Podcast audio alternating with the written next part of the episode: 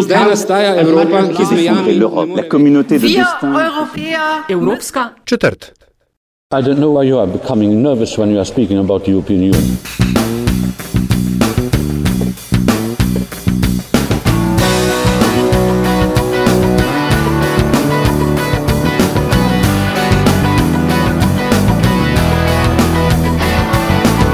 Spoštovane in cenjeni, dobrodošli v Evropski četrti, podkastu o vsem, kar vas bo zanimalo o Evropski uniji, pa niste vedeli, koga vprašati.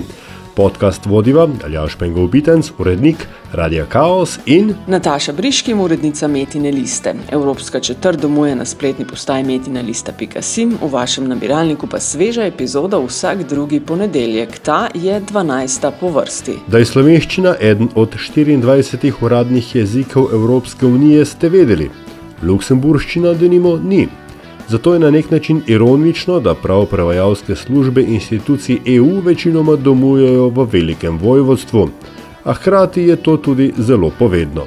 Ni pa prevajanje dokumentov edina dejavnost, ki jo obvladajo evropski prevajalci. Nevronski sistem prevajanja, čustvena inteligenca, gikovska kultura.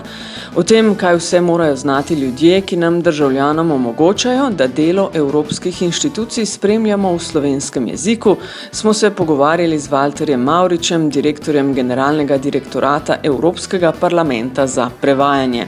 Tam ponujajo, tako zatrjuje najn gost, najboljšo prevajalsko službo na svetu. A zakaj vse ta aparat sploh potrebujemo? Marsikdo poreče, da itak dan danes vsi govorimo angliško, vsaj tisti, ki jih delovanje Evropske unije sploh zanima. Seveda gre za vprašanje identitete, pravi Walter Maurič. Identitete, ki še danes omogoča nekaj dosti bolj pomembnega. Jaz ne morem pozabiti, kar mi je povedal uh, moj mentor, ko sem prišel sem, ki je bil nemški kolega uh, 2004.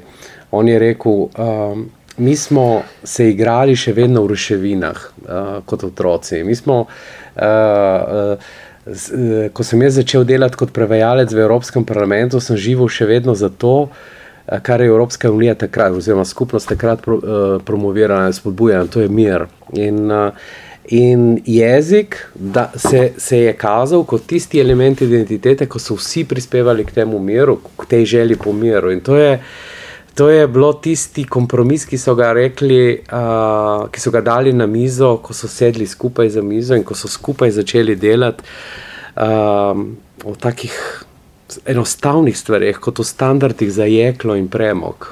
Ampak poanta je bila dosti višja, da sedijo skup, skupaj za eno mizo. In pogoj, da sedijo skupaj za eno mizo, je tudi to, da ohranjajo svojo identiteto. In ta identiteta je bil jezik, in to se ohranja skozi vse čas. In prav ta del naše identitete, jezik, je tisto, s čimer Slovenci v največji meri prispevamo k evropskemu idealu miru in sodelovanja. A višji cilji sami po sebi niso vredni počenega groša, če ni konkretnih dejanj. Zato je bil vstop Slovenije v Evropsko unijo leta 2004 ne le simbolna, pač pa tudi praktična prelomnica. Vsi so se bali, kaj se bo zgodilo s slovenščino. Ne? Vsi so rekli, da to slovenščina ne bo enakopravna. Uh, jaz pa vidim zdaj ravno obratno, kaj se dogaja s slovenščino. To čutim uh, vsak dan. Uh, uh, da je ta slovenščina, ki je bila mogoče 2004 mm, majhna, ali zdaj niti ne smemo več reči majhna, ampak manj razširjen jezik, mogoče če že hočemo tako ponoviti. Ampak je, je enakopravna v vseh konferencah, vseh mednarodnih konferencah. Nikjer se ne more organizirati več nobene konference, če, vsaj kadar mi organiziramo, če ni slovenščine zraven. Vsi jeziki sveta morajo menda skozi tri revolucije, pravi Maurič, ki tako povzema neko akademsko misel. Prvo revolucijo predstavlja razvoj pisave, drugo izum tiskarskega stroja, tretja revolucija pa je digitalna in slovenščina jo doživlja vsaj od leta 2004. Ne moremo si predstavljati, da je to zelo malo jezikov od 7000 jezikov, ki jih ima vse to. In slovenščina je med njimi. Jaz ne vem, kako drugače bi rekel, da je med teh 24 ima vse to. Uh, in če ne bi bili med 24, mogoče ne bi imeli vsega tega. Uh, mogoče tukaj je uh, zanimiva primerjava z Luksemburščino. Mi ja. ta pogovor snimamo v Luksemburgu. Ja. Uh, Luksemburščina ni uradni jezik Evropske unije. Ja. Uh, in seveda, ker ga ni znotraj Evropski, Evropske unije, mu vse to, kar ste videli, omenili, mu manjka. Potem takem bi lahko rekli, da smešno v bistvu na nek način privilegirana? Absolutno, jaz se popolnoma strinjam s tem, da je privilegiran uh, status, ki, ima, ki smo ga uh, ne samo z Evropsko unijo dosegli, mi smo skozi vse tri tiste faze, sej dobro, če, pri črkah smo verjetno sodelovali še s kom drugim. Pri tiskarskem uh, izumu tiskar, tiskarskih strojev pa smo začeli pisati knjige.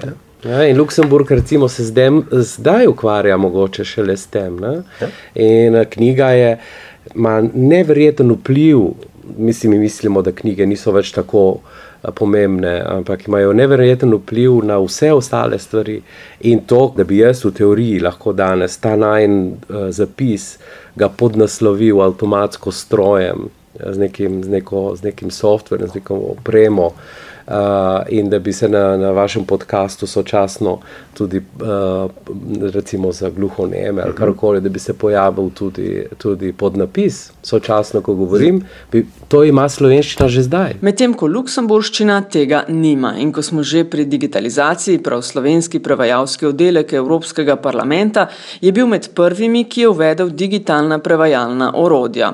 Oddelek je takrat vodil prav Walter Maurič, ki sicer skromno pravi, da je šlo za splet okoliščin. Da se je cel parlament eh, odločil, eh, vsa prevajalska služba, da bomo imeli um, podporo temu prevajanju uh, v digitalni obliki, da ne bomo več. Uh, Dobesedno imeli škari, ki bodo rezali papirje in fotokopirnih strojev, ki bodo potem sestavljali dokumente skupaj. In prevajalcev, ki so diktirali prevod, taj, prevode. In prevajalcev, ki so diktirali prevode tajnicam. Uh, No, to je bila odločitev, ki, je, uh, bilo, ki smo jo mi uh, takoj prevzeli, nekateri še danes, mogoče počasi, uh, vse prevzamejo.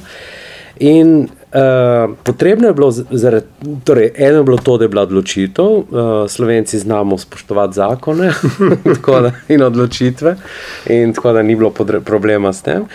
Druga stvar je bila pa tudi ta, Da jaz sem videl vse to, kar sem, sem prej opisoval, da s tem mi se postavljamo na zemljevid uh, enakopravnosti, ne pa s tem, da je vse napisano v slovenščini. In če ste mislili, da veste, kaj je vejca dramatičarka, potem niste spoznali IT-evcev, ki so delali na tem projektu. Jaz sem jim rekel, da v naš eni aplikaciji mora biti predki vejca. So rekli, ne mogoče. To je prvi jezik, ki zahteva v tej aplikaciji vejce. Rekel, ja, okay, uh, bomo pač prvi. Ne, je ne mogoče, ker uh, IT-jevci včasih mogoče tudi na tako odgovorijo, ker je to najlažji odgovor. In je bilo res težko izvedljivo tehnično, ker tisti algoritem enostavno, mislim, da tega, tega znaka ni predvideval. Ampak enostavno uh, uh, to je bil znak, ne, da je slovenščina zahteva vejco predki in je potem dobila. Ali pa če je še že. Leta 2004 enostavno niso šli noter nikamor v nobeno aplikacijo. Vrh napredne tehnologije ni ravno nekaj, na kar bi v pogovoru o institucijah Evropske unije človeku najprej prišlo na misel. A v prevajalskih službah denimo uporabljajo orodja, ob katerih lahko Google zgolj zrdi. Dajemo zelo jasno navodilo, da Google Translate ni med našimi uh, orodji. Eh, zato imamo svoje. Eh, ampak ta strojno prevajanje, ki ga mi razvijamo v Evropski uniji, ker vse inštitucije skupaj razvijamo to, eh, je mogoče v tem trenutku že skoraj, ehm, ne morem reči, zastarelo, ampak je že nekaj, kar, kar je že osnova za no, novo. Namreč ta uh, strojno prevajanje, ki smo ga do zdaj uporabljali, sloni na statistični rabi jezika. To pomeni, da uh, ta algoritem v stroju točno pogleda, koliko je statistično verjetno, da bo ta beseda zraven te besede. To, kar želimo pa mi zdaj narediti, in že vlagamo to denar, in tudi, predvsem, ogromno stvari, tudi naših kolegov sodeluje, je, uh, da poskušamo s tem uh, imitirati malo, temu reči, skoraj umetno inteligenco in, uh, in s tem neuronskim sistemom uh, prevajanja, kjer se stroj uči na napakah. Pa vendar to ne pomeni, da bodo prevajalke in prevajalci kakorkoli odveč. Nasprotno, med zaželenimi lastnostmi je tudi čustvena inteligenca. Vedno pride do nesporazumov, vse veste, da vedno so nesporazumi pri branju nečesa, pri poslušanju, pri gledanju. Uh, vedno in tudi pri govoru pride do, do nerazumevanja. Mi mislimo, da če, če bi samo stroj to uh, prevedel, bi teh nesporazumov bilo več. Zato um, pri zakonodaji, ki je naš, naš največji, največji del, moramo biti natančni in natančnost je zelo pomembna. Uh, pri drugem delu, ki je pa zelo pomemben v parlamentu, ko se recimo ukvarja s kršenjem človekovih pravic, ko se ukvarja s tem, kaj se dogaja po svetu v aktualnih dogodkih. Uh, tukaj je pa izredno pomembno, da jaz poznam, kaj se v, recimo, v Ruandi dogaja, kaj se v kjerkoli po svetu dogaja in, in, uh, in, in, in, in, in to poznavanje, recimo, strojne, tega poznavanja stroja ne more imeti. In, in zaradi tega smo mi tukaj um, izredno uh, prispevamo kvaliteti tega besedila. Poglejmo konkreten primer, Tijana Novaka ali pa denimo Kjaro Ronjo Horvat, mika služba na prevajalskem oddelku ene od evropskih institucij. Dobra novica je ta, da študij jezika ali prevajanja ni predpogoj. Važno je, da materni in tuji jezik obvladata zelo dobro. Slaba novica pa je ta, da boste zgolj znanjem enega tujega jezika danes v resnici bolj tenko piskala. Prvi odgovor je tak, ki je politično korekten. Vsi jeziki so enakopravni in vse, z vseh 24 jezikov uh, bi bilo v redu se učiti, uh, s tem, da zahtevamo najmanj dva, ko se nekdo k nam pride delati. Če pa uh, praktično gledamo, smo mi izbrali šest jezikov, ki jih uh, potrebujemo vsakodnevno, in uh, teh šest jezikov.